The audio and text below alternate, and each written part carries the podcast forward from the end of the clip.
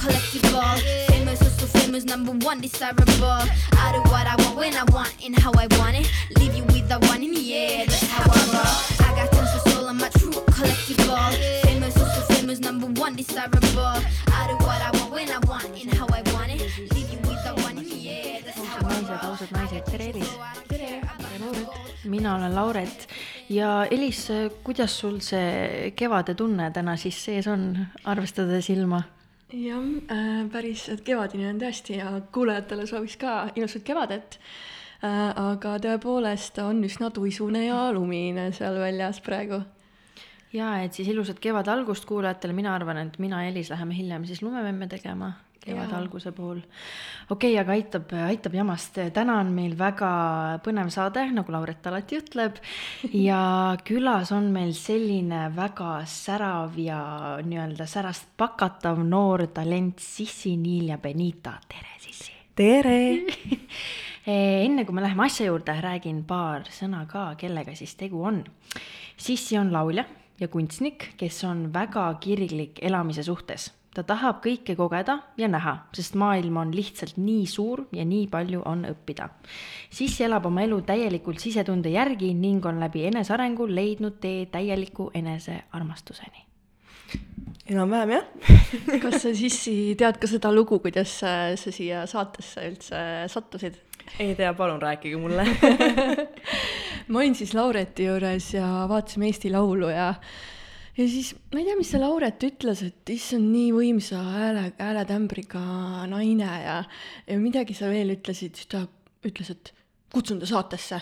siis mul oli korraks, et nagu ma arvan, et ta teeb nalja nagu, et äh, lihtsalt nagu oli kuidagi lihtsalt emotsiooni pealt vaata ütles. aga ei, ta võt-, läks taha ruumi, võttis arvuti, tegi kohe lahti ja hakkas muudkui trükkima seal, trükkis mingi tähega valmis, pani arvuti kinni ja oligi tehtud ja, ja reaalsus on siin, ehk siis ma tahakski öelda, et tegelikult vaata siuksed hästi kiired otsused viivadki nagu manifesteerumiseni ka, et eh, siis ja meil täna siin on ju. jaa, aitäh, et kutsusite, see oli väga vahva. kuidas sul äh, muidu, mis tunne tekkis, kui me kirjutasime, olid sa nii-öelda kohe in, oled sa varem üldse käinud kuskil podcast'is rääkimas? mm,. kunagi vist ükskord varem, eriti ei ole, aga ma ei tea, ma lugesin äh, seda, mis sa kirjutasid, vaatasin, mis see podcast on ja see lihtsalt tundus nii äge, et ma mõtlesin, miks mitte, see tundub täiega lõbus. ma ei hakanud nagu üldse üle mõtlema seda, ma lihtsalt kirjutasin, mis sulle paari päeva pärast või järgmine päev Jaa. tagasi, et jaa. su vastus oli ka sihuke nagu ülikerge, et nagu jaa, et miks ma ei peaks tulema mm. -hmm. muidugi teeme ära, väga lahe igatahes. Aga lähme siis esimese teema juurde, me esialgu räägiks siis võib-olla natukene lapsepõlvest, perekonnast, noorusest, noh, siuksed üldised teemad. et alustame siis sellest, et kuidas sina üldse kirjeldaksid oma lapsepõlve, et milliste sõnadega sa meenutaksid siis oma nii-öelda üleskasvamist? hmm. väga armastav perekond, huvitavad sõbrad, raskused, mis võib-olla ei peaks olema igal lapsel ja siis öö, lapsepõlve ärakadumine ja nüüd, kus ma saan kakskümmend kaks, siis öö, lapselikkuse tagasitoomine. et ne- see oleks nagu lühidalt. väga huvitav see lapselikkuse tagasitoomine just jaa, või nagu noh, see inner child, eks ju, et see mm. kuidagi kaob meil ära ja siis mina sain aru, et ma olin selle suht noorelt isegi ära kaotanud endal ja hästi kiiresti üles kasvanud ja ei olnud nautinud seda mitte kunagi, aga samas see sisemine laps on nii tähtis asi igal inimesel. See on midagi, mida me peaksime väga austama ja sellega just koostööd tegema, ehk siis ma võin vabalt, kui ma näen koera, hakata itsitama ja talle järgi joosta ja öelda, kui tore ta on ja hüpata keset tänavat nagu viieaastane, sest et see teeb mul tuju paremaks ja minna Megazone'i mängida laser tag'i oma sõpradega ja kõik siuksed nagu siuksed kerged asjad, et neid on vaja elus hoida. Äh, Eesti tuntumad ja terapeudid ka tegelikult ju äh, räägivad, et kui oluline ja kui tähtis on äh, tegelikult oma sisemise lapsega kontakti hoida ja ja see ongi nagu main thing, mida nad nagu rõhutavad. et äh, see on hästi oluline ja, ja.. mm. -hmm. sellega sa hoiad nagu oma rõõmuga kontakti ja ma sellega, selle kontakti, mis sa päriselt tahad, sest et väga tihti, kui sa oled laps, siis sul on justkui need oma unistused, sa justkui tead, kus suunas tahad liikuda ja siis lendab ühiskond peale. lendab peale reeglitega, mis sa tohid olla, mis sa ei tohi olla siis see kaob ära ja siis sa hakkad endast voolima ühiskonna jaoks, aga kui sa saad selle lapsega kontakti, siis sa tegelikult, killuke sind ennast on alati seal. ma küsikski siit kohe, et sa ütlesid, et hästi toetav ja armastav perekond, et kui suur roll on üldse su elus perekonnal ja kas sa oled oma perega lähedane minu perekonnal on väga suur roll, perekond on üks minu põhiväärtusi üldse elus äh,, hästi tähtsad mulle. ja ma olen väga lähedane oma perekonnaga, et me oleme alati, ei tegelikult alati ei olnud, meil oli mingi faas, kus oli sihuke, ma ei tea, ei olnud justkui väga lähedased ja oli sihukest hästi palju hõõrdumist. aga sellest ka me nagu liikusime läbi sellega, et me hakkasime suhtlema sellest, mis toimub mm -hmm. ja mis need probleemid reaalselt olid ja sellest välja liikuma sest et ma olin lapsena, ma olin väga vaat laps, mingi faas, kui tuli koolikiusamine, siis mina tõmbasin täiesti lukku, läksin enda sisse ära ja sealt ma ei tahtnud üldse välja tulla ja mis juhtus, oli ka see, et ma hakkasin oma perekonda eemale lükkama, mina ei rääkinud neile, mis toimub. hinded kukkusid alla ja muidugi selle peale ju ema ja isa lähevad ainult seda, et laps käib koolis ja hinded mm. kukuvad alla ja ma ei rääkinud neile, mis probleem on ja sellest tekib ikka mingi hõõrdumine. nii et üks hetk, kui ma seda kõike hakkasin avama ja avama, mida ma tundsin, siis see läks kõik paremaks ja sellest saati minu perekond, me olemegi hästi ühtehoidvad, me teeme kuigi ma nüüd tulen linna, siis ikkagist meil on õhtuid, kus me vaatame koos filme, mängime lauamänge või siis lihtsalt räägime kella kaheni öösel, lihtsalt juttu elutoas. et nad on sihuke hästi tugev tugiring mu ümber mm. nii minu eraelus kui ka siis ka karjääriliselt, ehk siis kasvõi kui võtta Eesti Laul, siis eks ju mu õde ja ema tegid mu lavaliikumised koos minuga ja isa aitas laulu kirjutamise protsessil kaasa, et sihuke, ma ei tea, perekond on hästi tähtis Äh, aga räägi oma kooliteekonnast, et äh, meil kõigil on sellega hästi erinevad kogemused.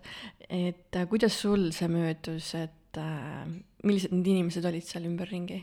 kas oli siukest kiusamist ka? ja minu puhul oli, ma olen sellest enne rääkinud, eks ma väga detaili sellega ei lähe.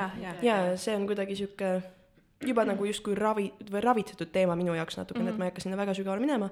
aga jah, mul oli koolikiusamine ligikaudu vanusest, mitte vanusest, klassist ütleme äkki kolmas klass kuni seitsmes pluss-miinus, ma enam nii hästi ei mäleta.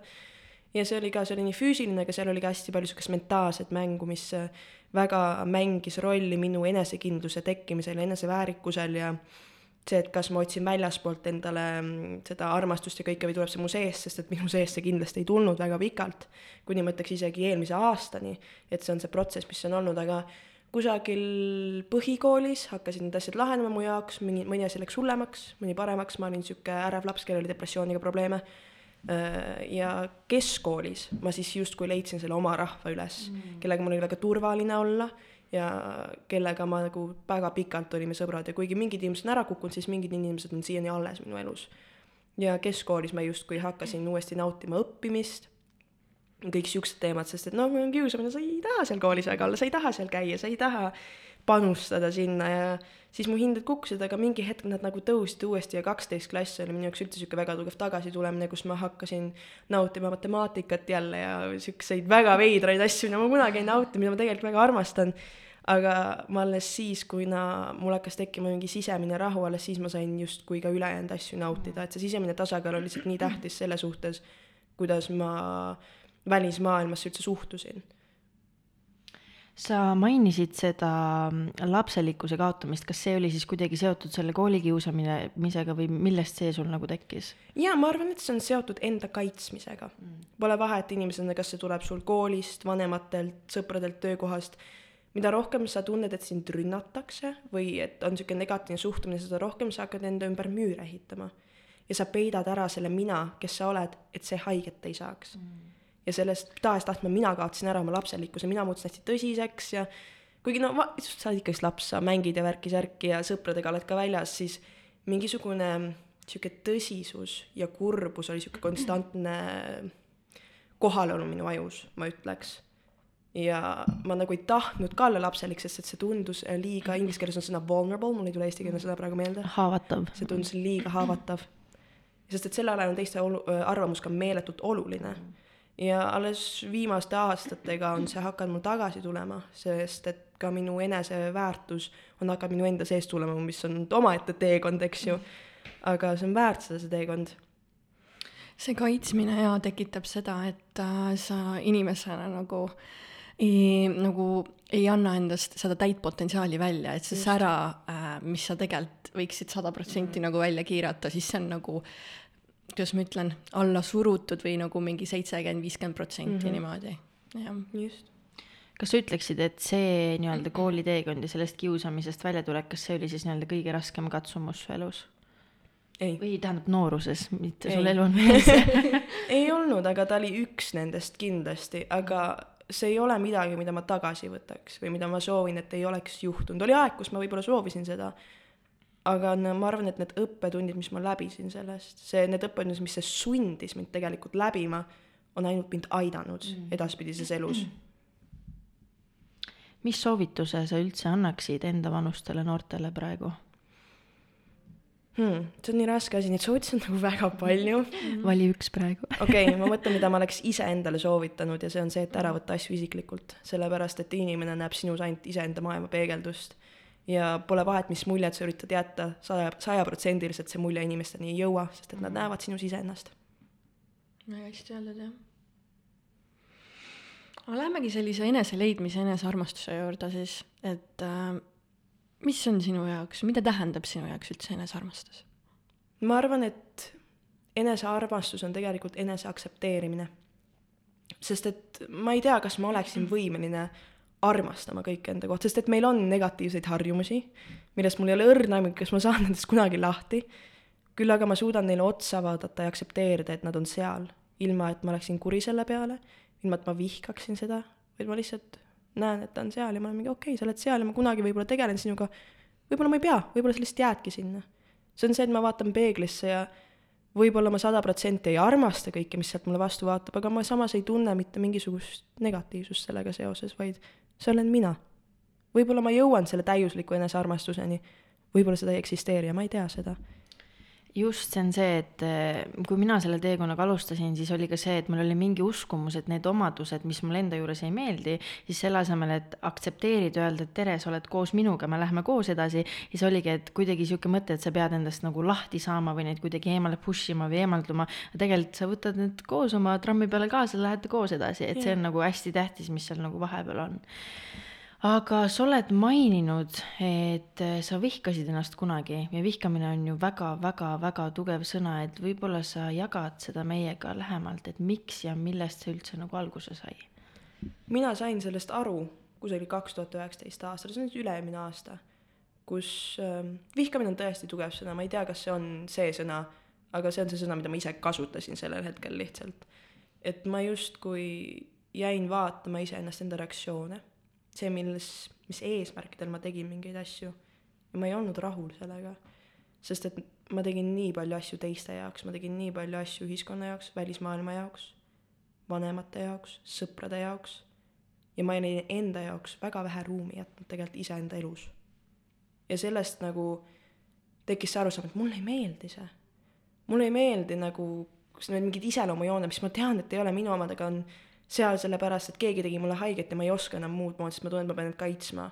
mulle ei meeldinud nii palju asju enda juures ja ma, sihuke vastikus tekkis enda suhtes. nüüd see ei olnud kindlasti hea reaktsioon minu poolt, aga see oli see ainuke reaktsioon, mis mul tekkis.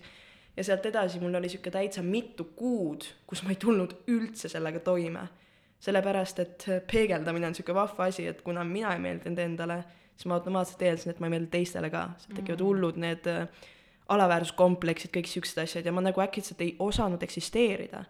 ma ei osanud olla kohal, ma ei osanud olla teistega, ma usun, et see on erinevate inimeste jaoks väga nagu tuttav tunne natukene.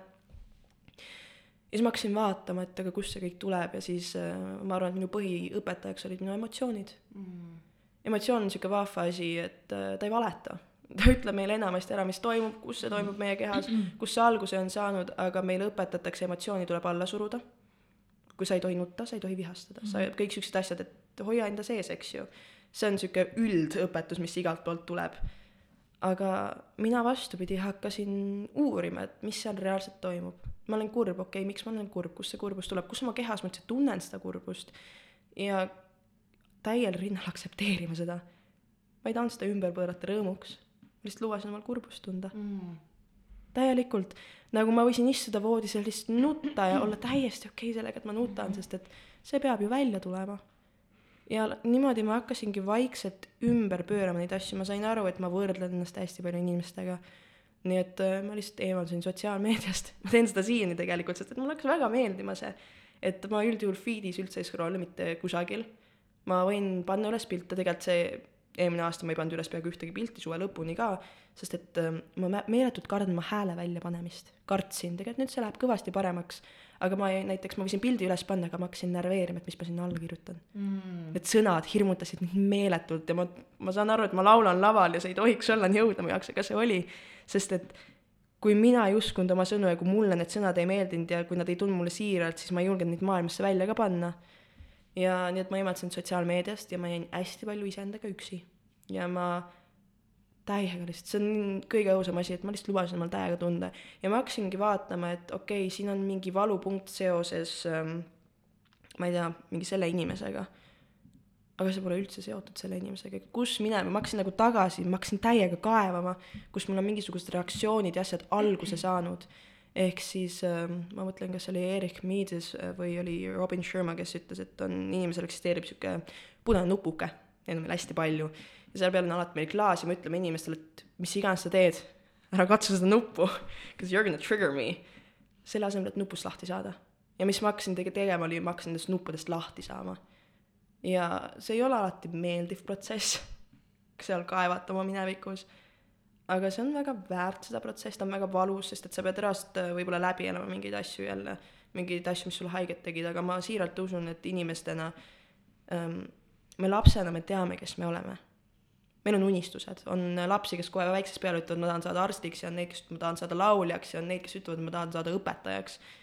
ja siis, mida rohkem aeg läheb edasi, seda rohkem meile tehakse haiget üks müür teise järel läheb üles, me hakkame muutma oma iseloomu, me hakkame muutma seda, kes me oleme.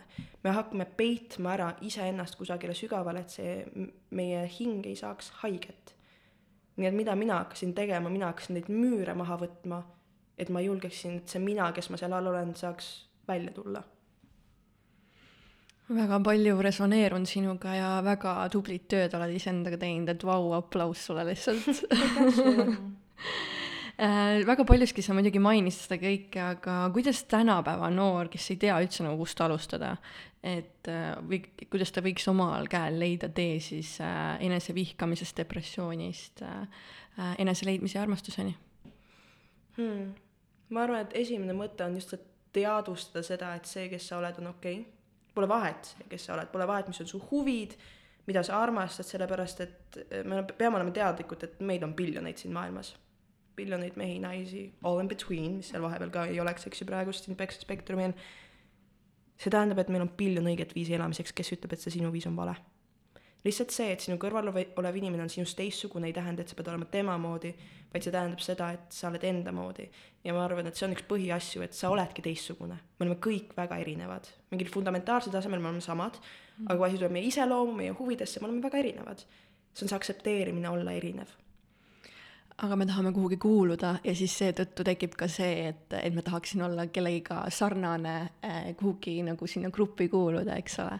eriti veel just sellises vanuses ka. Yeah.. Et... Äh, selle koha pealt ma tooksin välja siukse toreda asja nagu vibratsioon.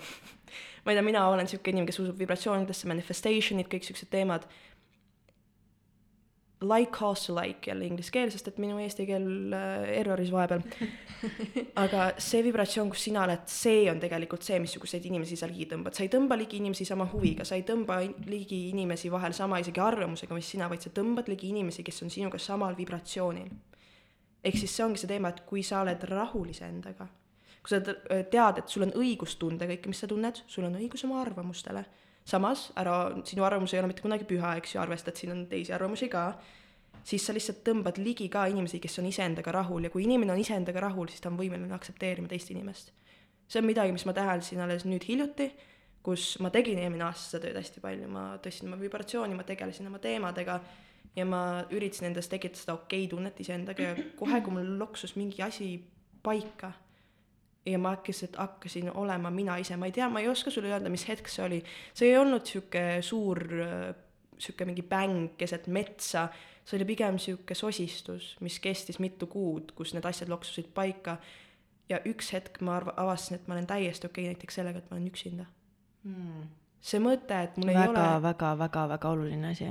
jaa, et ongi see, see mõte, et nagu hmm, kui mul ei ole poissõpra ka nagu, ma ei tea, see kõlab nagu hästi kui ma pean olema metsa, minema metsaisolatsiooni elama. see kõlab tegelikult täiega hästi mulle, sest et ma hakkasin nautima iseenda seltskonda. ja siis hakkasid tekkima äkitselt minu ümber inimesed, kes tegid sedasama mm.. inimesed, kellega meil ei ole ühtsed huvid. mina olen täis kunstnik, mul on nüüd sõpru-sõbrannasid, kes on vägagi ainult ärimaailmas, eks ju, aga justkui nende maailma arusaam ja see, kuidas nad vaatavad iseennast ja maailma, vot see on seesama ma usun, et need on need asjad, mis loevad. just, me siin äh, hiljutises saates mainisime ka, et äh, vaimne inimene ei ole see, kes päevad läbi mediteerib ja käib boheempükstega ja on zen mode, vaid vaimne inimene võib olla ka tavaline autolukksepp. aga kui ta iga päev ärkab üles ja teeb, teeb oma tööd nii-öelda passion'i ja kirega, ta on teiste vastu hea, ta teab, mida ta tahab, siis ta ongi sada protsenti vaimne inimene, et see ei ole vahet, kas sa tegeled aktsiatega või sa maalid või sa oled, ma ei tea, loomaarst, siis äh, see ei puutu nagu asja.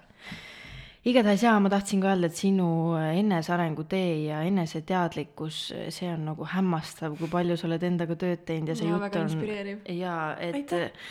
mõni inimene või võib-olla jõuab sinna mitukümmend aastat hiljem, aga sa oled nii noor ka veel, väga inspireeriv aga mis sina üldse arvad, millest see nii-öelda enesevihkamine ja ebakindlus ja kõik see endas kahtlemine üldse nagu alguse saavad, see ei ole üldse harv teema, see on väga populaarne, eriti praeguses nii-öelda ühiskonnas ja praeguses maailmas. et millised tegurid nagu soodustavad sinnapoole liikuma? ma arvan, et valu. valu on midagi, mille eest me ei saa mitte kunagi põgeneda. see on elu osa, sest et elus on tasakaal, kus on rõõm, seal on kurbus, kus on head, seal on halba. ja inimesed kardavad meeletult valu vähemalt sa kardad valu nii kaua, kuni sa ei karda valu, mina võin öelda, et mina näiteks ei karda väga valu enam. ma olen täitsa sina peal selle sõnaga ja selle kogemusega, mistõttu see natuke võtab stressi vähemaks, aga kui sa kardad valu, kui sa kardad haiget saamist ja see sin- ja sinna alla lähebki ju kõik see, et mind puksitakse välja, mind ei armastata, siis see tahes-tahtmata see tuleb ja see tuleb kõik va-, valuhirmust, ma arvan. mis sa arvad, kas äh, iga valu taga on ka mingi õppetund? sada protsenti sest et see moment, kui sa oled haiget saanud, siis äh, ma, mulle meeldib mõelda, et pool tööd on tehtud. sinnamaani, kui ma haiget sain, no siis see valu oli kõik tulemas, eks ju, mina ei teadnud midagi, see moment, kui mina olen haiget saanud, nüüd ma saan tunda seda valu, olla selles valus, ükskõik kui rõve see ka ei oleks, ja sealt edasi ma saan seda parandada, ma saan lasta tal ennast ravida, mis iganes haav sinna tekkis kui ma olen selleks valmis, nüüd ongi kahte sorti inimesi, kes lükkab jälle järgmise müüri üles, et jumala eest seesama valu minuga uuesti ei juhtuks. või siis see sort inimene, kes jätab oma südame lahti ja vaatab nüüd, okei okay,, mis reaktsiooni see minus tekitas, miks see üldse mulle haiget tegi, vot see miks on alati väga tähtis asi, et kust see valu nüüd tuli, sest et võib-olla see asi oli nii lihtne, sa tegelikult ei tohiks haiget teha, kui sul on, kuna sul on mingi minevuse, mineviku kogemus, appi, sõnad, siis see tegi sulle haiget täiesti mingi teise asja pärast mul nüüd muidugi läks su küsimus täiesti meelest ära, sest et mu mõte hakkas mingis ühes suunas jooksma, seda juhtub mul hästi palju. ei, see on okei okay,, püsisid täitsa reel. Äh, mis selle valuga seoses, mis mind on äh, hästi palju aidanud, äh, see on paratamatu, et kui sa nii-öelda lähed sinna sisse, sul on mingi tegelikult mikroprobleem, tegelikult mingi pseudoprobleem, aga sa oled kodus, sa nutad, sa teed selle suuremaks, sa puhud seda õhku täis, aga mis mind on meeletult aidanud, on lihtsalt see fraas usalda elu. ehk siis ilmselt elu on selle kogemuse pannud sulle selle selle jaoks, et miskit paremat oleks sees, aga nüüd, kui sa nutad ja oled selle pärast kurb ja masenduses, siis universum ei saa nagu aru, et oota, miks ta kurb on, et see on ju sellepärast, et midagi paremat on tulemas, et ta ei saa nagu aru sellest. aga kui sa nagu võtad ennast kokku, naeratad, oled nagu, et aitäh, universum, et ma usaldan sind, siis see on kuidagi, ma ei tea, ma kuivatan kohe pisarad, olen mingi, no nii, korras. aga noh, sinna saamine võtab ka aega, mina ka usaldan sada protsenti nagu mul on alati see ütlus, et okei okay,, midagi halba juhtub, siis nojah, olen kurb see üks päev ja siis äh, lähen edasi, sest et see, kui ma nüüd ei oleks selle üle kurb, siis on niisugune sõna nagu toxic positivity mm. -hmm. see on see sõna, see on justkui see, et ma olen rõõmus ka siis, kui asjad on pekkis, kuigi yeah. tegelik positiivsus on see, et okei okay,, asi on pekkis, ma saan aru, et asi on pekkis, ma olen kurb selle pärast, ma olen vihane selle pärast, aga ma olen teadlik, et see läheb paremaks, ma olen teadlik, et siit tuleb midagi paremat. ehk siis see on see koht, kus ma ütlen, et see emotsioonidega töötamine on ka hästi oluline, et et sa, et sa ei pane seda naeratust omal sinna ette, vaid sa lasedki omal korraks tunda seda, isegi kui see on kümme minutit. vahel aitab see, et selle asemel, et ma jään terveks päevaks nutma, ma võtan, et davai, ma nüüd kümme minutit, no ma lähen sinna valu sisse, seda on võimalik teha, et sa tuvastad, kus kohas sinu kehas see valu on ja sa lihtsalt lähed sinna sisse ja lihtsalt tunned seda kõike korraga. Ja siis sa lased tal minna. see on nii vinge, et sa räägid just sellesse kehasse minekut, et äh, ma olen ka nüüdseks nagu enda juures nagu avastanud seda, et et ma tegin väga palju oma mentaalse tasandiga tööd, et ma kogu aeg lugesin raamatuid, tegin nagu igast asju. nüüd ma rohkem lähen kehatasandile, sest keha on meil hästi tark, meil on kehateadvus palju targem tegelikult kui meie enda mõistus. ja, ja keha ütleb tegelikult kohe ära, kus mm, -hmm. mis asetseb ja, ja annab väga palju vastuseid tegelikult mm. -hmm. siis me hoiame ju stressi ka kehas see on, stress on tegelikult nii-öelda mentaalne asi, aga ta alati kuidagi näitab end meile kusagil keha peal ka mm. -hmm see, mis sa ütlesid, see toxic positivity, see on äh, väga õigesti öeldud, sest et enamus ajast, mis levib, ongi tegelikult see õpetus, et always happy, always smiling, keep positivity. aga tegelikult see ei, see ei, see ei kuulu, see ei ole tegelikult elu loomulik osa ei. nagu. inimene et... pole loodud kogu aeg õnnelik ei, olema. sest ma olen tänulik pisarate eest, nagu ma olen tänulik, et ma saan nutta, sest et kurbusel on omamoodi ilu vihal on omamoodi ilu ja tegelikult me, ma usun, et me oleme hing inimese kehas, eks ju, kes, ma usun ka sellesse, et meil on mitu elu, eks ju, et me liigume võib-olla ühest kehast teisse, ma ei tea, kus siin maailmas, et me oleme ju loodud kogema. miks, miks ma nüüd ei peaks seda kurbust kogema? ma saan aru, et hirm kõige negatiivse suhtes on suur, aga tegelikult lõppkokkuvõttes negatiivne ei ole halb, sest et ilma selleta meil ei ole seda mm, skaalat, et kus hakkab hea, eks ju, pihta, me ei saaks hakkama sellega, me ei saaks aru sellest ehk siis jaa, et ma usun, et see on ülitähtis, et me tunneme seda kõike. jaa, me elamegi duaalsuses. jaa, just äh,. nii et jaa ähm,, halb ilma ajata ähm, ma mõtlen selle peale, et näiteks kui mõni kuulaja praegu kuulab äh, seda ja tal mõni tuttav on kuskil sarnases kohas, et äh, mida, kuidas nagu aidata seda inimest, kes on samal teekonnal praegu, et kuidas teda toetada, talle tuge pakkuda täpselt nii, nagu sa oskad, toe, toe pakkumine ei ole alati, sa ei pea minema lahendama tema probleemi. vahel piisab sellest, et sa küsid näiteks inimese käest, mida ta vajab, võib-olla ta tahab, et teda lihtsalt kuulatakse. kui ta tahab abi, siis taaskord küsid, kas ta vajab seda. et hästi palju sihukest kommunikeerumist peab olema ka sinu enda poolt, kui sa oled sihukeses olukorras, siis äh, midagi, mis ma avastasin, on see, et ära karda küsida ära karda abi küsida, sellepärast et ära tee teise inimese otsust tema eest ära mul on olnud olukordi, kus mult on küsitud abi ja ma olengi öelnud, et ma täna ei saa, mul on endal liiga palju asju, millega tegeleda, aga ma luban sulle, et homme, kui ma tunnen end paremini, siis me helistame ja me räägime, ma olen olemas su jaoks. ja seal ei ole mitte midagi halba, seal ei ole mitte midagi isiklikku see, mis sa ütlesid, et tegelikult selline lihtne küsimus võib muuta absoluutselt kõike, et ma mäletan, kui mul olid gümnaasiumis väga keerulised ajad, siis üks lihtne küsimus, Lauret, kuidas sa ennast tunned, oleks, ma usun, kõike muutnud yeah.. et vahepeal piisabki võib-olla ühest minutist, mis sa inimesele pühendad, et ei, ei ole vaja tõesti maad ja ilmad võib-olla kokku tuua. jaa, kuulamisel on jõud mm,. lihtsalt see, et sa tekitad inimeses tunde, et ta on nähtud mm. -hmm sa, sa näed, kes ta on, sa kuulad teda ja sa ei palu talt mitte midagi muud ja sa oled lihtsalt olemas ja sellel on nii suur võim mm. -hmm. tõsi. aga lähme siis järgmise teema juurde, tulen siia lähemale, see on vist sulle kindlalt väga tuttav teema ka. räägime siis natuke intuitsioonist mm, -hmm. enesearengust, eneseteadlikkusest. mis on üldse intuitsioon, kuidas sa seda defineeriksid ja millal sina selle sõna enda jaoks avastasid? Mm,. okei okay., intuitsioon, inimesena me näeme tõenäoliselt, me näeme ainult iseenda ette, eks ju. me näeme seda ruumi, kus me oleme, kui me oleme õues, me näeme nii kaugel, kui silm ulatub. intuitsioon on nüüd justkui see, kui see, kes sa oled, läheb sinu kohale kusagile kõrgele, ta näeb tervet su elu põhimõtteliselt su ees. näeb kõiki neid erinevaid radu, mille peal sa võid kõndida ja ta valib justkui välja selle kõige parema ja see on sinu kõhutunne, mis suunab sind sellele õigele rajale. ta näeb kõike, ta teab, kuhu sa peaksid minema, ta teab, mis on see õige, ta näeb seda, mida sina lihtsalt ei näe, ta tunnetab ära selle. ja ta on see pisike hääleke või pisike kõhutunne, mis nõksab sind nüüd sellele õigele rajale. see on see, mis see minu jaoks on. ja mina mm, see sõna on alati olnud, mul on alati, mul on suhteliselt spirituaalne perekond ja kõik, ehk siis see oli niisugune väga tavaline sõna meie kodus ja mina isiklikult hakkasin teda väga aktiivselt kuulama ka kusagil eelmisel aastal, üle-eelmisel mm. aastal. ta on alati seal olnud, ma ikkagist kuulan teda, aga niimoodi kuulama, et ma ei küsitle seda, see oli, see tuli eelmine aasta mm kuidas siis enda nii-öelda sisehäält ja intuitsiooni üles leida, kuidas sa tunned, et see on nüüd seal ja see on nüüd see, mis ütleb sulle, et see on õige valik? Ma arvan, et intuitsioonil ja enesekriitikul, need on need, vaata need kaks põhiasja, mis meil, eks ju, võitlevad. intuitsioon ei ütle sulle mitte midagi halvasti ja ta ei arvusta sind.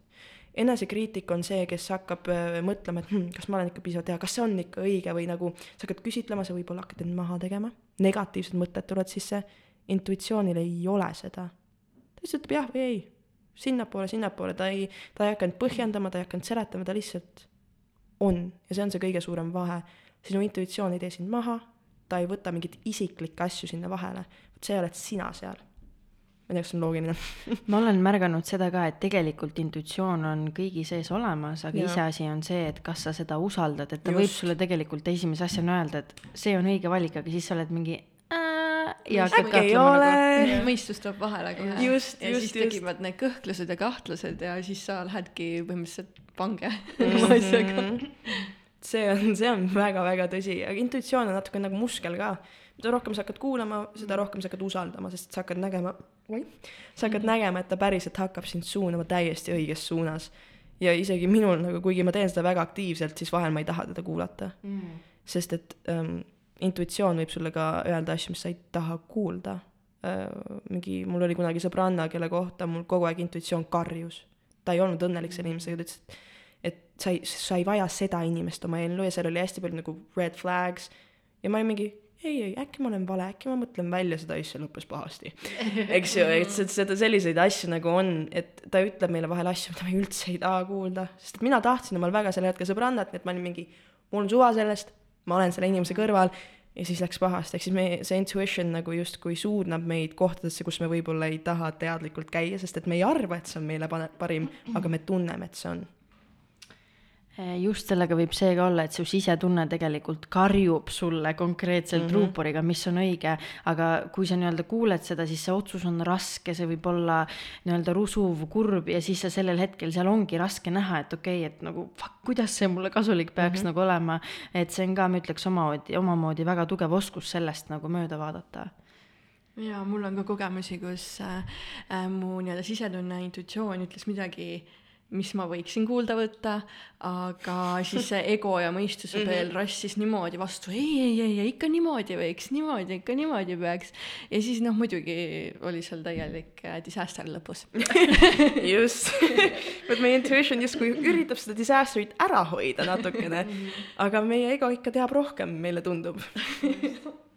vahest on naljakas endalgi, kui nagu need asjad on ära käinud, siis mõtled tagasi, aa nojah, see oleks võinud ikka kuulata. jaa, just, just, aga siis tekib see, et see, noh, seesama usalduse teema, et sa ei taha usaldada seda. see on tegelikult täiesti okei okay,, et meil on niimoodi, see ei ole halb, et me ei kuula seda. sest meid on õpetatud ka natukene. jah, see on, meil on õpetatud, pluss ähm, läbi aegade vaata, see on ära ka kadunud inimeste sees, mis tähendab, et ta on justkui naturaalses olekus võib-olla ongi natuke nõrgem tänapäeva ajastus meil. ja see ongi sihuke treenimise küsimus, et me hakkame seda uuesti oma elus nagu aktiveerima. nii et jaa, et, et kui sul on see nõrk, siis see on täiesti okei okay,, see ei ole halb, aga sul on nüüd valik, et kas sa tahad teda omal avada ja kas sa tahad temaga hakata tööd tegema. kui tähtis üldse on enda puhta intuitsiooni kasutamine ning leidmine, et kas võib olla see, et see ei olegi vajalik? ma arvan, et on inimesi, kelle elus see ei ole vajalik mm., sest et mõtle, kui palju meid siin maailmas on, mina ei tea pooli asju, pooli asju. Ma ei tea, üheksakümmend protsenti või isegi üheksakümmend üheksa protsenti sellest, mis siin ülejäänud maailmas inimeste eludes on, see üks protsent olengi mina, mis elu ma näen ja mina saan näha ainult, mis on minu elu jaoks tähtis ja minu jaoks intuition on väga tähtis. kui see mult ära võtta, siis ma arvan, et mul on siuke tunne, et ma olen pime. sest et ma kuulen selle kaudu nii palju asju, mida ma muidu ei kuuleks ja muidu tähele ei paneks ja see on hakanud minu elu isegi ma võiks öelda juhtima kas sa isegi kuuled äh, niimoodi, et sa oled inimesega nagu samas ruumis ja midagi juba tajud? jaa, mul on siukseid asju küll, ma lihtsalt väga ei räägi nendest asjadest avalikult. kuidas, mis need nii-öelda kõige paremad sammud oleks selle muskli nii-öelda treenimiseks, kuidas seda vormi saada ma ütleks, et baby steps mm. -hmm. vahel piisab sellest, et äh, ma avastasin siukse asja, mis tundub nii loll võib tunduda, aga see on intuitive walking.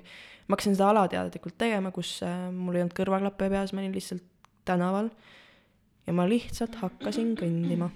Ja iga kord, kui ma jõudsin mingi tänavanurgani, siis ma lihtsalt kõhutunde pealt keerasin ühele tänavale ma ei küsitlenud, miks ma sinna keeran, ma ei küsitlenud, mis seal teisel pool võib olla, ei hakanud võrdlema, kuhu ma peaks minema, vaid ma lihtsalt täie kindlusega läksin edasi. see tundub nagu väga naljakas harjutus, aga tegelikult ka iga tänavanurga peal sa hakkad mõtlema, kuhu sa hakkad minema, sa hakkad teadlikult kaaluma, et noh, kui ma lähen sinna, siis ma jõuan sinna tänavale, kui ma lähen sinna, siis ma jõuan sinna tänavale, kõik siuksed asjad, et lihtsalt kui sa lased täiesti lahti ja lihtsalt liigud. See mind hakkas reaalselt aitama ja avama ja sealt hakkasid tulema teised asjad. kas proovime, Lauret, mingi, mingi päev äkki kuskil Kalamaja mingid ringid?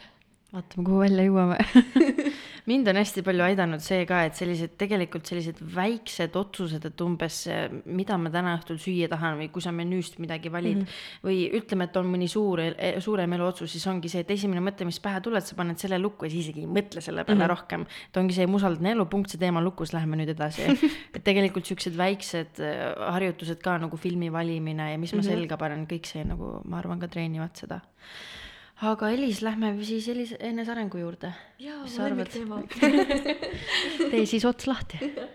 ei, ma küsikski lihtsalt, et äh, millal sa hakkasid enesearenguga tegelema ja miks? ma ei arva, et ma isegi nagu väga teadlikult, teadlikult ja, alustasin sellega, ma lihtsalt sain aru, et hmm, see, kuidas ma praegu elu elan, see ei sobi mulle. siin on liiga palju ärevust, siin on liiga palju negatiivseid asju, ma justkui ei ole rahul sellega, kus ma olen ja ma kardan meeletult tulevikku. What's that about? ja siis hakkasin vaikselt vaatama, et mis on mu harjumused, toitumine, kõik siuksed väiksed asjad, mis mängivad, eks ju, rolli enesearengule ja iseenda juurde tagasi tulemisel kuni need suured asjad, mis ongi, hakkad vaatama oma emotsionaalseid reaktsioone, oma minevikku, et see lihtsalt kõik hästi naturaalselt hakkas tulema, kui ma võtsin vastu selle otsuse, et on teine viis elamiseks.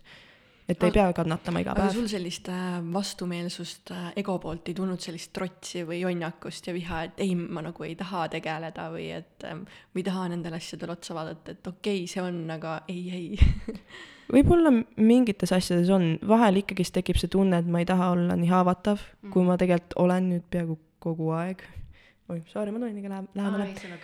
nii, ja aga üldjuhul mitte, ma olen äh, elu jooksul kogenud väga erinevatel skaaladel füüsilisi valusid ja mentaalseid valusid. ja see on nagu väga palju väga lühikese aja jooksul. ja tead, sellega kaob ära igasugune trots ja igasugune siuksed, siuksed hirmud kaovad ära, sest et kui sa oled väga rõvedaid asju üle elanud, siis sa oledki lihtsalt lõpuks nagu mingi, ma ei tea, tahaks tegelikult lihtsalt elada. ja lõppkokkuvõttes ainult mina olengi ju iseendal ees ja et siis sa nagu enam ei karda sinna madalale tegelikult mhm. kukkuda mm. -hmm. kui sa oled ära käinud seal, kuhu sul kukkuda on, sa oled seal ära käinud. just. mina selle trotsi tundmisega resoneerun küll väga, et kui keegi midagi ütles või tõi välja või umbes minus endas tekkis see hetk, et ma pidin sellele otsa vaatama ja siis tekkis sihuke nagu, et mis asja vaata, ei, et minus on kõik nagu hästi, et ei tahagi nagu otsa vaadata mingitele asjadele. aga ähm, mida eneseareng su elus muutis? Ma arvan, et ta tõi mind tagasi minu enda juurde. ma ütlen kohe välja, et mulle ei meeldi see ütlus, et kui öeldakse, et ma tahan saada paremaks minaks või siuksed asjad, ma ei usu seda, ma usun, et sa lihtsalt saad iseendaks, sa võtad sealt lihtsalt küljest ära kõik need müürid mm. ja, ja kõik ähm, need äh, nii-öelda asjad, mis sa oled sinna peale pannud iseenda peitmiseks. ja ma arvan, et ma lihtsalt tulin iseendale kõvasti lähemale. ma ei ole perfektne, seal on ülipalju, minus on nii palju lahendamata asju, nii palju negatiivseid asju, nii palju negatiivseid harjumusi aga ma olen valmis neid vaatama ja ma saan aru, et nad ei ole tegelikult halvad, nad ei ole tegelikult negatiivsed, nad mõjuvad negatiivselt, aga see, et nad seal on, ei ole halb, see on lihtsalt elu osa ja ma ütleks seda, et need omadused on tegelikult üks elu ilus pool, sest et kuhu lõksu mina kunagi sattusin, oli see, et see ei ole okei okay,, kui sa vahepeal nii-öelda lebotad ja puhkad ja sööd võib-olla mingit rämpsu ja lihtsalt ei teegi nädal aega mitte midagi mm, -hmm. et see ei ole okei okay ja siis sa beat up'id selle pärast nii hullult ennast ülesse, aga tegelikult see kõik on elunaudingu üks osa mm, -hmm. et mhm. seda on väga tähtis mõista. jaa, see hustle culture on meil ikkagist nii tugev, sest see, et kui ma ei tee ja kui ma ei pühenda sada protsenti ja ei pane hullu mm, -hmm. siis minu väärt väärtus sellepärast miskipärast langeb. ja siis tuleb appi selline tore sõber nagu sotsiaalmeedia mm. -hmm, ja vaatad, kuidas kõik teevad kõike ja hakkad võrdlema, see on võrdlemine, see on lemmikasi kõigil, eks ju. ja siis nii sa lähedki sinna ringi sisse, ma saan aru sellest, ma olen ise seal olnud, mul on sõbranna, kes tegelikult, kellel on ka väga keeruline välja tulla sellest ja lihtsalt vaata, kui ta vaatab pool tundi telesarja, ta tunneb süümekaid, sest et ta oleks võinud see pool tundi tööd teha. aga elu on ju elamiseks just, just see on nagu endale kannatuste loomine, et sinna lõksu ikka on väga lihtne kukkuda tegelikult mm -hmm. meil kõigil, et äh, isegi Lauritiga oleme siin vahepeal nagu arutanud ja oleme ka sinna lõksu sattunud mm -hmm. mingite aru-, jah, arutelude käigus.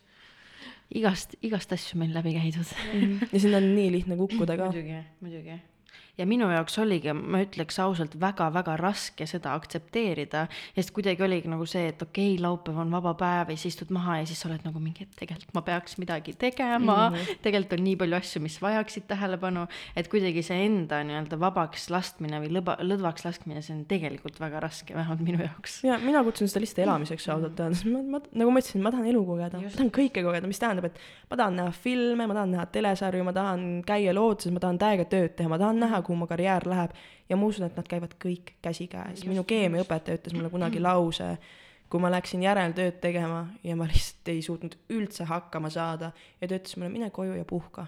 sest et katkist sissist ei ole mitte kellelgi vaja. ehk siis, kui sa tõmbad end lõhki, siis lõppkokkuvõttes äh, elu sunnib sind ikkagist põlvedele mm. -hmm. nii et pigem võta vabatahtlikult see aeg, puhka, naudi elu, söö head toitu vahetevahel mm. -hmm. ära lase selle ka muidugi üle piiri minna mm. -hmm. ja ja siis tee edasi seda tööd, sest et tegelikult töö ka peaks olema midagi, mida sa teed vabast tahtest, eks ju, mis ei ole sulle peale sunnitud, sest et ma usun, et elust kaobki lõbu ära siis, kui me tunneme, et me oleme aheldatud.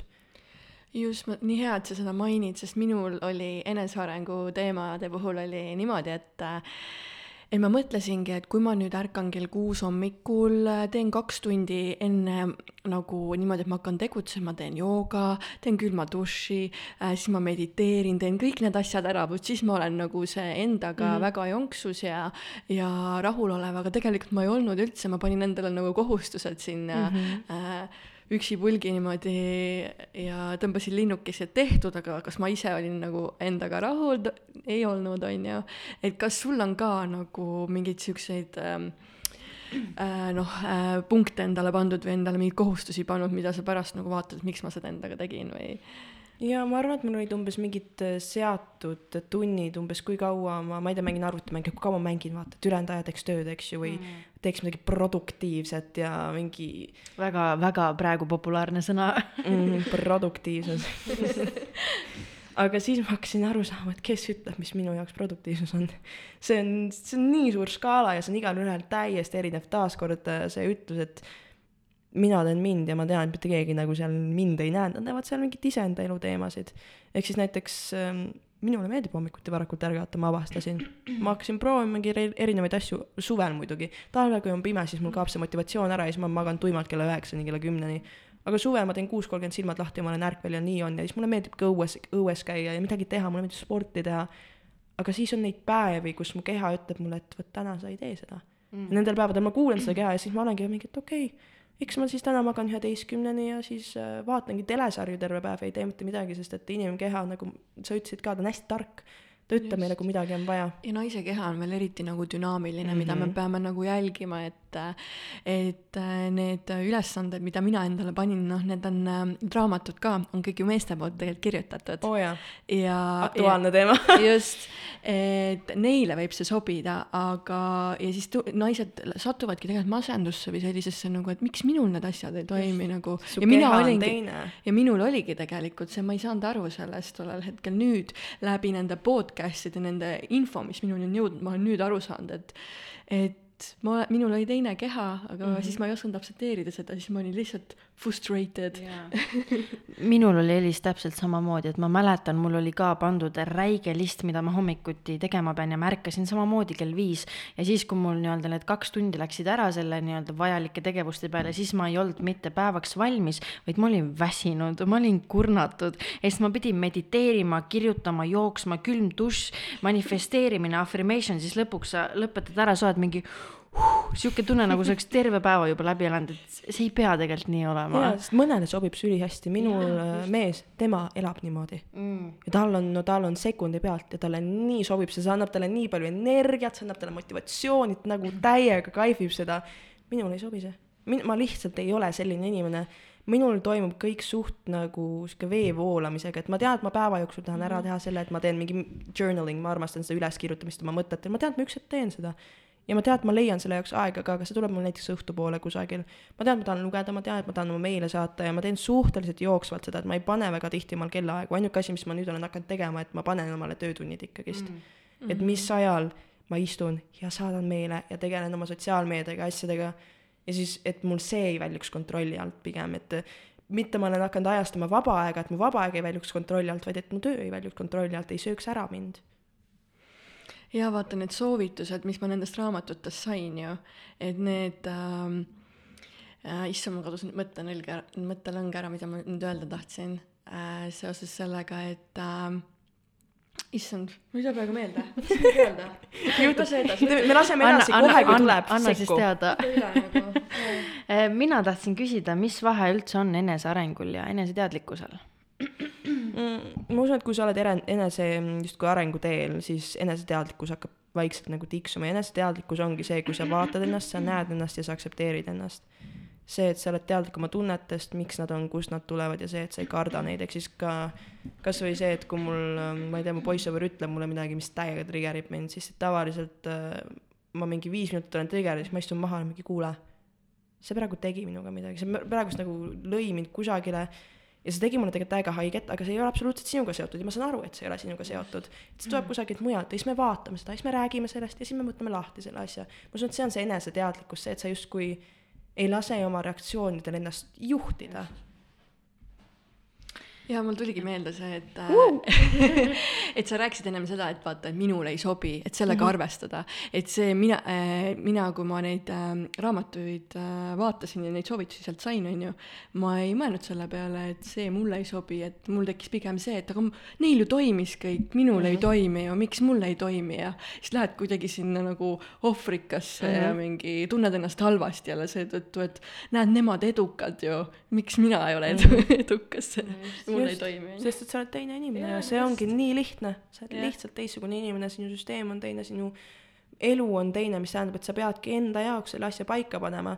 proovi kõike selles suhtes, proovi läbi need äh, nii-öelda igapäevased, see, et ärkadki viiest üles, teed neid asju, äkki sulle sobib see kunagi ei tea.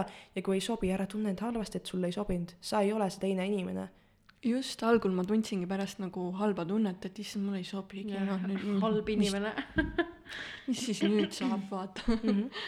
Aga jaa, et äh, leiab, igaüks leiab endale nagu sobiva, kuidas tema tunneb enda kehas enna- endaga Mhm. hästi mm, -hmm. just. Mina tahtsin küsida veel selle enesearengu kohta, ma mäletan, minu teekond oli selline, et äh, see tuli kuidagi väga järsku, et oli selline peolauret ja mis iganes lõvi ta oli.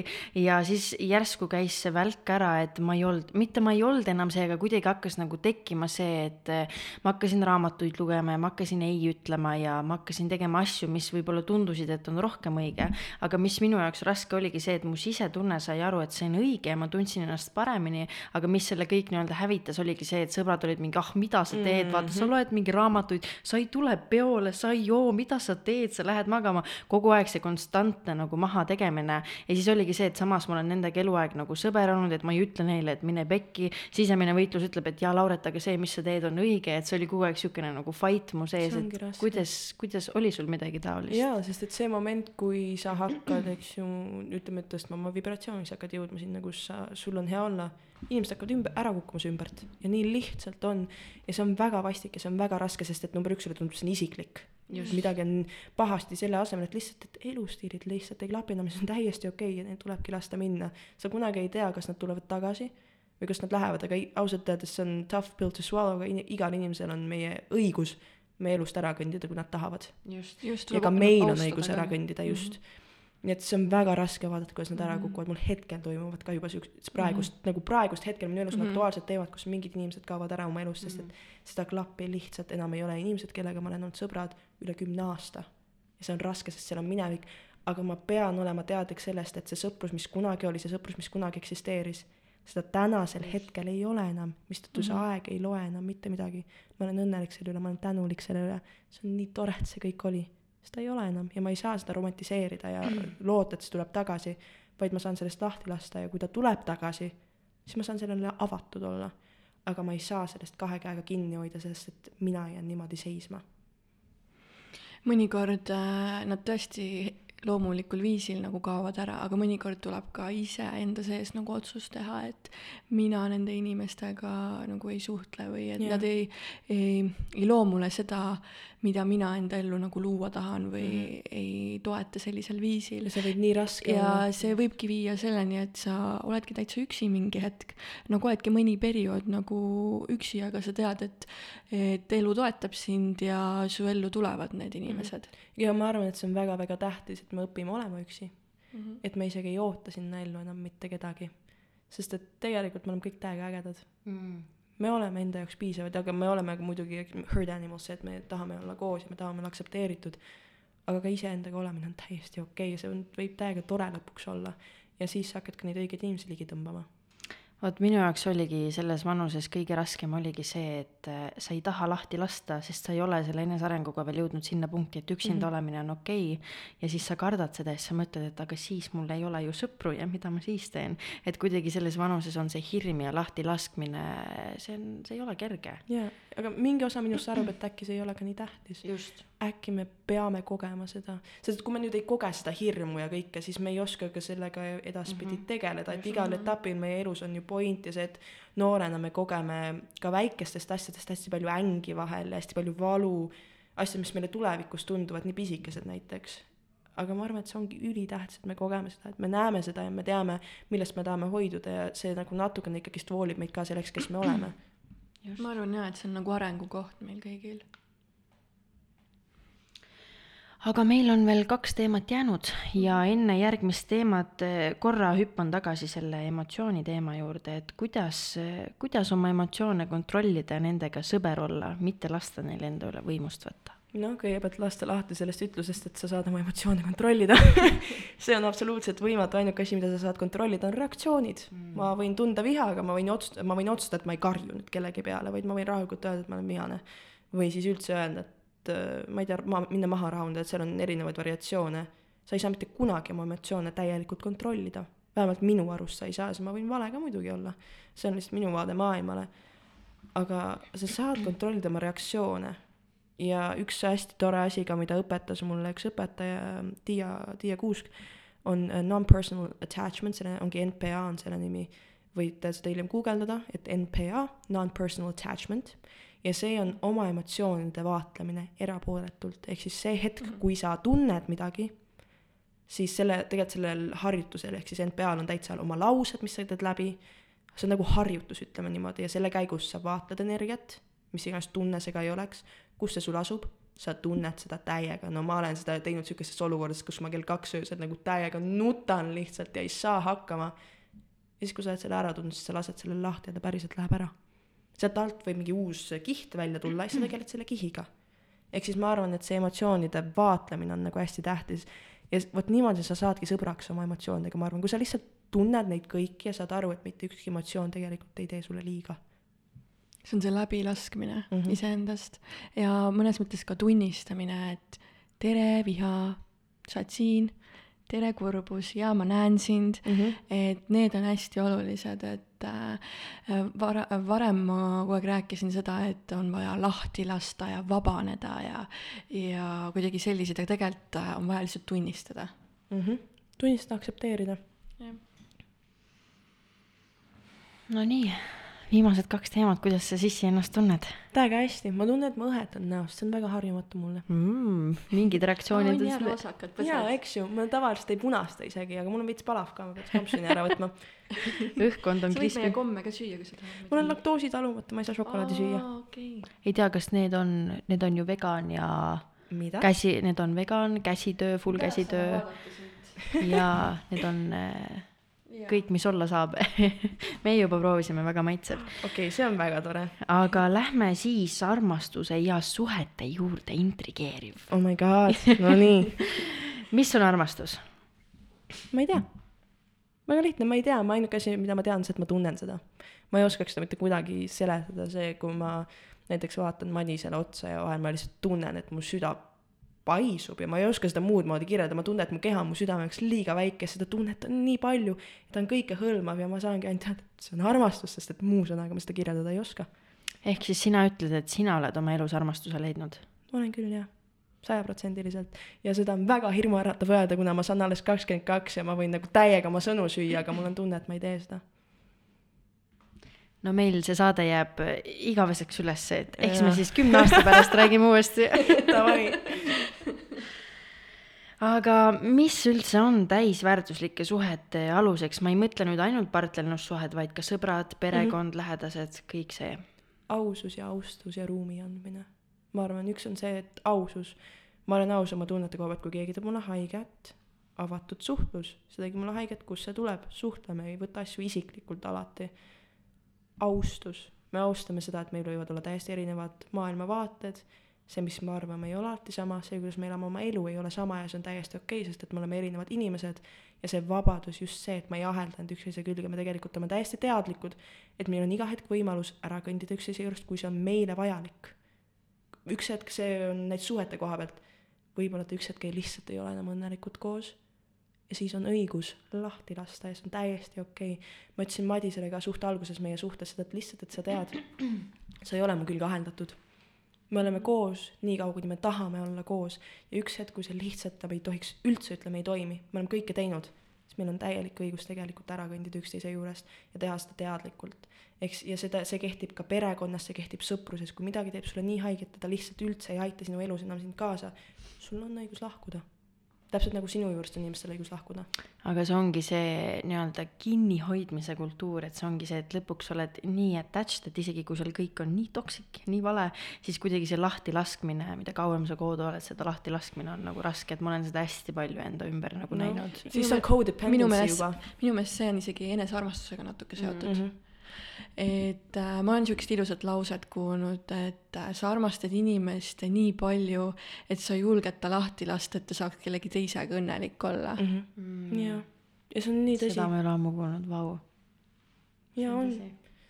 ja see on nagu, see on okei okay,, sest et kui see ei toimi, näiteks oletame, suhe ei toimi, siis see tegelikult ei toimi, sest et minul on midagi viga või et temal on midagi viga võib-olla me lihtsalt kooskasvamise asemel kasvasime lahku ja meie eluteed lähevadki väga eri teed ja see on täiesti okei. Okay ja võib-olla teisi olukordi näiteks perekondade vahel, kus lihtsalt see suhtlus teeb sulle haiget, ta hävitab sind ja sa võib-olla ei ole seda võimeline parandama, sest et sinul ei ole enam mitte mingit tööd teha, vaid teine inimene peab hakkama tööd tegema, ta lihtsalt ei ole nõus seda tegema, siis sul ei ole muud valikut, kui ära kõndida, ma arvan, et suhetes, ükskõik mis suhe see ka ei oleks, sa pead hoidma meeles seda, et te olete kaks eraldi inimest. Te lihtsalt kõnnite kõrvuti eluteed. just, just, koosloomine mm. -hmm jah, sa tegelikult enne eh, vastasid ka enamus küsimustele ära, aga ikkagi maini, et kuidas leida enda kõrvale inimesed, kes sind päriselt ka siiralt toetavad ja sinust hoolivad, mitte ei ole sinuga lihtsalt mingil muul eesmärgil koos? sa pead olema okei okay iseendaga. ükskõik kui raske või pikk see teekond ka ei ole, selles suhtes, et see, sa ei pea nagu täna seda tegema, võib-olla sa jõuad alles kuuekümne aastaselt sinna, see on täiesti okei okay., aga see on koht, kuhu pürgida vähemalt, see koht, kus see teadmine, et kui mu kõrval ei ole kedagi, ma olen täiesti okei okay sellega. Sest et siis, mis siis juhtub, on see, et su eneseväärikus on nii kõrgel, et sa ei lase end ära kasutada, mistõttu kui keegi teeb sulle haiget, sa saad neid lahti lasta. ja kui keegi tõstab sind üles, siis sa julged nendega olla, sa julged neilt paluda seda, mis sul on vaja. ja siis nagu suhted toimivad ka, kui sul on see avatud suhtlus, et sa oskad öelda, mis sul on vaja, sellest rääkida ja värki-särki ma tunnen, et ma ütlen seda värski, värki-särki hästi palju ja ma ei ole kunagi elu sees kasutanud seda. see ruum on väga, mõjub väga veidralt mulle. me oleme ka siin võidelnud parasiitsõnadega, nii mina kui ka Elis, et see on jah. see on see, et ma nagu mõtlen inglise keeles, siis mul käivad mingi tõlkimistöö käib vahepeal peas, ma saan aru, et hmm, see kõlas inglise keeles täiega normaalselt ja eesti keeles üldse ei toimi ja mul on siin, kui me teeme ausate naiste Instagrami, siis vahepeal on nii raske neid postitusi eesti keeles teha mm, -hmm. sest kuidagi sa mõtled mingi lause välja, sa paned selle eesti keelde ja siis on sihuke nagu üldse ei lähe kokku. aga lähme, kas sa jäid kuskil pooleli mm? -mm.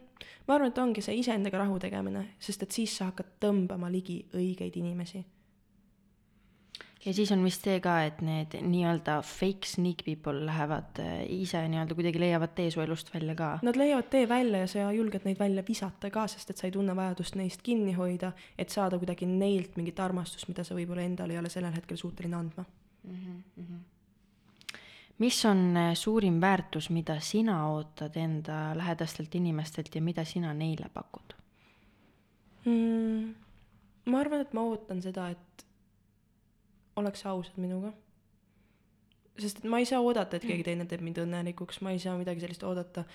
ma lihtsalt ootan seda, et armastatakse ausalt ollakse kohal, kohalolu on hästi oluline minu jaoks. ja ma saan ise sedasama asja vastu pakkuda, et kui ma armastan, siis ma armastan ausalt ja ma olen siin. kui ma sind kuulan, siis ma sada protsenti kuulan sind. ja kui midagi on, siis ma olen täiesti aus, nagu taaskord see ausus, austus ja siis see vabadus. seda ma ootan teistelt ja seda ma ise kavatsen anda ka. vinge Äh, me lähme nüüd viimase teema juurde ja selleks on laulja karjäär mm. -hmm. Et äh, tänu sellele me ka sind muidugi märkasime, on ju, läbi televiisori vahenduse. et äh, kust sai alguse sinu teekond lauljana ja kas sa oled alati tahtnud lauljaks saada? ma olin kaheaastane, kui mind pandi esimesse laulutundi ja viieaastane, kui ma hakkasin laulma erahuvialakool Meeru muusikus, kus ma laulsin, kuni ma olin seitseteist vist isegi või ei, kauem, üheksateist tulin ära sealt. Ja ma olen terve elu laulnud, ainuke vahepealne mingisugune karjäär, mis sealt läbi käi, millega ma tahtsin tegeleda, oli modellindus, millega ma tegelen nüüd ka. taaskord lapsena me väga tihti teame tegelikult, mida me tegelikult teha tahame. minul oli muusikakarjäär ja modellikarjäär ja sinna suunda ma ka läksin mm. -hmm. ja laulja karjäär tegelikult hakkas pihta niimoodi, et ma töötasin Tullaku restoranis jõhvikana Äh, mis tähendab, et noh, poleerid seal tasse ja aitad lauda koristada, aitad ettekandjatele asju lauda viia ja ma olin ähm, puu otsas koos oma bossiga, korjasime vist vahtraõisi, ma ei mäleta, äh, teed teha ja ma lihtsalt ümisesin mingit laulu kaasa, mis tuli kõlarist ja ta oli mingi, sa laulad või? ma olin mingi, jah, jaa, mulle meeldib laulda, sa oled täitsa hea mm. -hmm. räägi, kas sul nagu klaverimängija ka on? mul ei olnud, mida mina ütlesin, jaa, on küll. räägi mulle, kas sa nagu teed esinemisi? ma ei teinud. jaa, teen küll. see laupäev, see pühapäev saad tulla meile laivi tegema, mingi, oli vist eelmis-, laupäev oli, et siis järgmine pühapäev. ma mingi, jaa, täiega saan tulla, et mm -hmm, jaa. siis oli mingi okei okay,, et tule, et me räägime järgmine nädal, räägime hindadest ja asjadest ja siis on nagu davai, tule, et meil on live mussi vaja. ma olin lihtsalt nagu mingi, no nii siis, mis sa praegu tegid ja siis ma suutsin leida kahe päevaga, ma läbi Facebooki vahenduse klaverimängija, täiesti võõras inimene mulle, aga noh, keegi teine muusik soovitas, saime kokku, õppisime nädal aega mingi kakskümmend üks, kakskümmend kaks laulu ära ja lihtsalt läksime pühapäeval peale. Ja jäime tegelikult Tullekusse päris pikaks ajaks niimoodi pühapäeviti muusikat tegema. Ja et seal oli siis see, iga nädal oli selline live muusika? jaa, iga pühapäev oli mingi, see oli suve, see oli suveperiood ja siis sealt tulid nagu pakkumised teistesse restoranidesse. umbes, et wow. mingi inimene käis söömas ja oli mingi, kuule, et ma ei tea, siin on mu kaart, et või nagu andke oma kontakt. et ja niimoodi see nagu hakkas laienema, lihtsalt hakkas teistesse kohtadesse laiali minema. ja siis tuli Superstaari saade, äh, kuhust ma ei tahtnud osa võtta. jaa, kuidas su tee sinna viis üldse no ma olin selleks ajaks juba ise vaikselt, tegin nagu ülirahulikult oma muusikat, ma veel, no ei, ma kirjutasin küll siis juba muusikat ja aga ma ei esitanud oma muusikat mitte kunagi, tegin cover eid, tegingi siukseid väiksemaid üritusi. ja siis tuli Superstar ja noh, ma ei, see ei ole vist suur üllatus, et ma tahan täiega Eurovisioonile kunagi minna, eks ju, I wonder why. see ei ole üldse mu perekonnas suur asi. ja siis äh, mu sõbranna ütles mulle, et kuule, et sa tahad Eurovisioonile minna, et kui sa lähed Superstaari saatesse, sa saad seal võib-olla mingi tuntuse, äkki sul läheb hästi ja siis on suurem võimalus, et sa saad Eurovisioonile kunagi minna mm ja siis ma panin end üks päev või õigemini ankeedi kin-, ankeedi kinni minemisega samal päeval kirja ja ma ei olnud isegi kindel, kas minu ankeet läks üldse läbi. selles suhtes, et ma olin nagu kõik need mitu kuud venitanud, et ma ei lähe, ma ei lähe, ma tahan ise rahulikult oma karjääri ehitada ja siis viimasel päeval olin nagu mingi davai, ma lähen. ja siis, siis edaspidine on nagu history, et kui oli see eel, eelvoor, ehk siis seda telekas ei näidata. ja ma laulsin vist Tomi Rahula, Dagmar Oja ja Kaupo Karelson, kes on siis, ma loodan, issand, ma loodan, et ma ütlesin ta nime praegu õigesti kes oli peaprodutsent, nemad olid siis minu laua taga ja siis ma pidin neile oma laulud ette laulma. ja täpselt enne seda, kui mina läksin sinna ruumi sisse, ma mäletan, ma vaatasin oma õde, ütlesin, mul on tunne, et ma olen finaalis, aga ma ei võida. mõtlesin, mingi mees võidab vist, mingi veider mees, sihuke tunne oli lihtsalt, et seda ma ütlesin oma õele ka. ja olin nagu mingi ja läksin sisse ja nagu nii lihtsalt läks, et iga jumala pühapäev kui me tegelikult pidime kõik asjad kokku pakkima, juhuks kui sina lähed koju, ma ei pakkinud mitte kunagi oma asju kokku, sest et mul oli tunne, et ma lihtsalt ei lähe koju see on see intuitsioon, eks yeah, ju mm. -hmm. ja nii läks ja siis sealt edasi mu karjäär siis, eks ju, läks väga kiireks, et oli mingi faas, kus ma üldse ei hinganud ja ma tegingi ületööd, nagu tuimalt tegin ületööd niimoodi, et ma ei jätnud enda eluks üldse ruumi äh,. jäin haigeks selle pärast ja siis hakkasime rahulikumaks tõmbama ja siis juhtus mu elus igasuguseid äh, koledaid asju, mille tagajärjel ma peaaegu aasta aega ei tegelenud üldse sellega, ma tegin küll tööd, aga hästi vähe ja nagu ka meelega kaotasin end pildist välja ja siis nüüd vaikselt tegelen sellega, et tagasi tulla mm Eesti Laul aitas sellele ja räägi siis meile kohe siia jutti, kuidas teie Eesti Laululine viis ja mis, mis nii-öelda kogemus ja teie see oli? Eesti Laul on täiega tore. nagu need inimesed on toredad, kes seda saadet teevad, need inimesed, kes seal osalevad, see on lihtsalt nii vahva kogemus. aga see stressitase on julm mm. nagu see on täiega õudne. et äh, sest see laulu sissesaatmine ka, me muidugi Andrei ja Kelliga saatsime selle laulu sisse mingi paar tundi enne seda, kui enam ei saanud, sest et viimane minut ja prokrastineerimine on väga minu teema. ma ei ole selle üle uhke, aga ma olen nõus seda tunnistama. Ja siis äh, noh, saatsime sisse laulu, see sai sisse, äh, mind tuldi koju üllatama, ma ei, siiani ei taha vaadata seda videot, sest et ma kuidagi väga reageerisin. See on midagi, mis ma olen õppinud ka õnne väljendama, ma kunagi ei väljendanud õnne ka, nüüd ma täiega mingi tantsin, kui ma olen õnnelik ja näitan seda. Ja siis ähm, ma arvan, mis ma tegingi see Eesti Laul teisiti kui eelmine Eesti Laul oli see, et ma natuke delegeerisin paremini mm.. ma andsin oma outfit'ide tegemise sõbrannale, emale, õele, tehke liikumine Kelly tegeles back'i lauljatega, sest et kuna mu häälepaelad ei sulgu, siis ma ei saanud ühtegi proovi kaasa teha mm. -hmm. ja ma ei ole detsembrist saadik laulnud tööd teinud ja veel natuke aega ei saa ka. ma ei saagi tänavatel laulda, kui ma tahaksin. ehk siis see tekitas natuke stressi, et hmm, kas ma olen üldse võimeline laulma seal laval, eks ju. Aga no mingi stress ikkagist tekib, kui ma ei tea, ei saa sponsoreid, ei ole kindel, kas sa saad asju maksta, ei ole kindel, kas sa jõuad tehtud asju, kõik käib hästi kiiresti. ja mina lükkan hästi palju edasi igasuguseid meilide saatmisi ja vastuseid mm., vastamisi, eks minu tõttu venisid ka veel mingid asjad ja seda ei ole üldse tore nagu teha ja kogeda, ma ei saanud aru, mis mul viga on. ja siis noh, jah, see, see võib nagu hästi stressful olla, aga lõppkokkuvõttes see on nii väärt seda, kui ma sinna mm. lavale saan see on nii väärt seda, et see esimene poolfinaal ei läinud mul hästi, ma ütleks. ma ei tundnud end hästi seal laval, ma ei tundnud mugavalt seal laval. mu hääl väga vaevu töötas, ma ei olnud kindel, kas ma laulan ära nii et ma olen lihtsalt tänulik, et mind saadeti finaali ja vot finaalis enne finaali ma lihtsalt, ma aktsepteerisin seda, et ma ei võida. ma olin mingi jaa, ma kukun kusagil sinna viiendale-seitsmendale kohale see aasta. ma olen täiesti okei okay sellega. mu hääl peab taastuma, ma ei ole nagu, tahaks minna Eurovisioonile täiega, ma usun, et ma saaks hakkama ka, aga kui ma ei lähe ka, siis see tähendab lihtsalt seda, et täistaastumine. Ja kuidagi see, et see pinge tuli ära, see lasi minust mingi asja vabaks, mis oli nagu väga super. ja ma ütleks, ma laulsin enda arust ka väga hästi, et mul läks nagu õige koha peale laulmine ja see oli nii imeline ja ma olen nii tänulik kogu selle protsessi eest. sest et isegi see, et mult on nagu hääl, hääl sajaprotsendiliselt ära võetud, on lihtsalt mulle näidanud seda, kui väga ma tahan laulda. see on nii lihtne. ma väga pikalt olin väga kuri selle üle, et miks see toimub ja nüüd ma lihtsalt saan aru, et see on tähtis selleks, et mu prioriteedid läheksid täiesti sajaprotsendiliselt paika jällegi elu usaldamine ju pidi nii minema, aga ütle, millal me sind Eurovisioonil näeme siis? ma ei tea siis, kui on Eurovisiooni vääriline laul, mina ei tea, millal ma uuesti Eesti Laulu lähen, ma lähen siis, kui on laul, millesse ma usun sada protsenti. me väga ootame igatahes ma ka mis on eh, suurim õppetund või nii-öelda learning point seoses selle nii-öelda laulmiskarjääri teekonnaga mm,? see, et see ei ole lineaarne. See ei ole see, et sa hakkad pihta ja kusagile lendad kohe või see ei ole see, et sa lõpetad kusagil laulmise kooli ja nüüd sa oled laulja, vaid see on konstantne areng ja sa mitte kunagi ei tea, mis toimub, sest et muusikamaastik ju muutub kogu aeg, sest et see sõltub inimeste maitsest, see sõltub sellest, mida inimestel sellel hetkel on vaja kuulda. ma saan lihtsalt loota, et see olen mina. ma ei saa selleks mitte midagi teha, sellest ma saan ennast promoda, end sinna välja panna, ma saan muusikat teha, aga lõppkokkuvõttes hästi suur osa läheb, on rahva käes. Äh, ma tean, et sa õpid meiki ka või sa õppisid, tähendab mm. -hmm. et äh, ma mäletan, ma läksin ka enda ühe tuttava äh, siis äh, modelli, noh, lihtsalt modelliks nagu, et, et ta tegi mulle meiki ja siis äh, Sissi oli seal samal kursusel, tegi seal usinasti meiki. Jah. okei palun vabandust, et ma ei mäleta sind. siinkohal üldse, Eesti on suur, keegi kedagi ei tunne, kõik omavahel tuttavad ei ole ei, ta väga asjalikult asjatas seal ja tahakski küsida, et kust see kirg tuli selle vastu? ma avastan, ma armastan täiega kunsti, ehk siis ma joonistan, ma maalin, ma kirjutan luuletusi nagu, nagu kogu, kõik kunst. mina ka. ühtekad.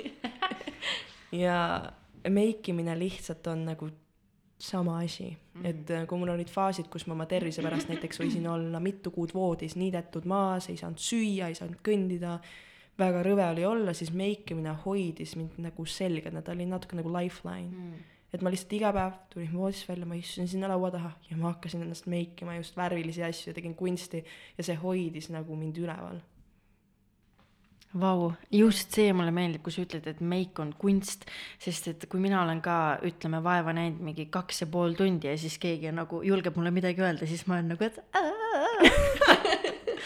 jaa et jah, see on kunst, aga sul on nii palju tegemisi, sa oled nii busy, sa oled nii tegus, räägi, milline su visioon tuleviku osas praegu on, et millele sa võib-olla enim tahad keskenduda ja pühenduda? muusikale ja reisimisele mm..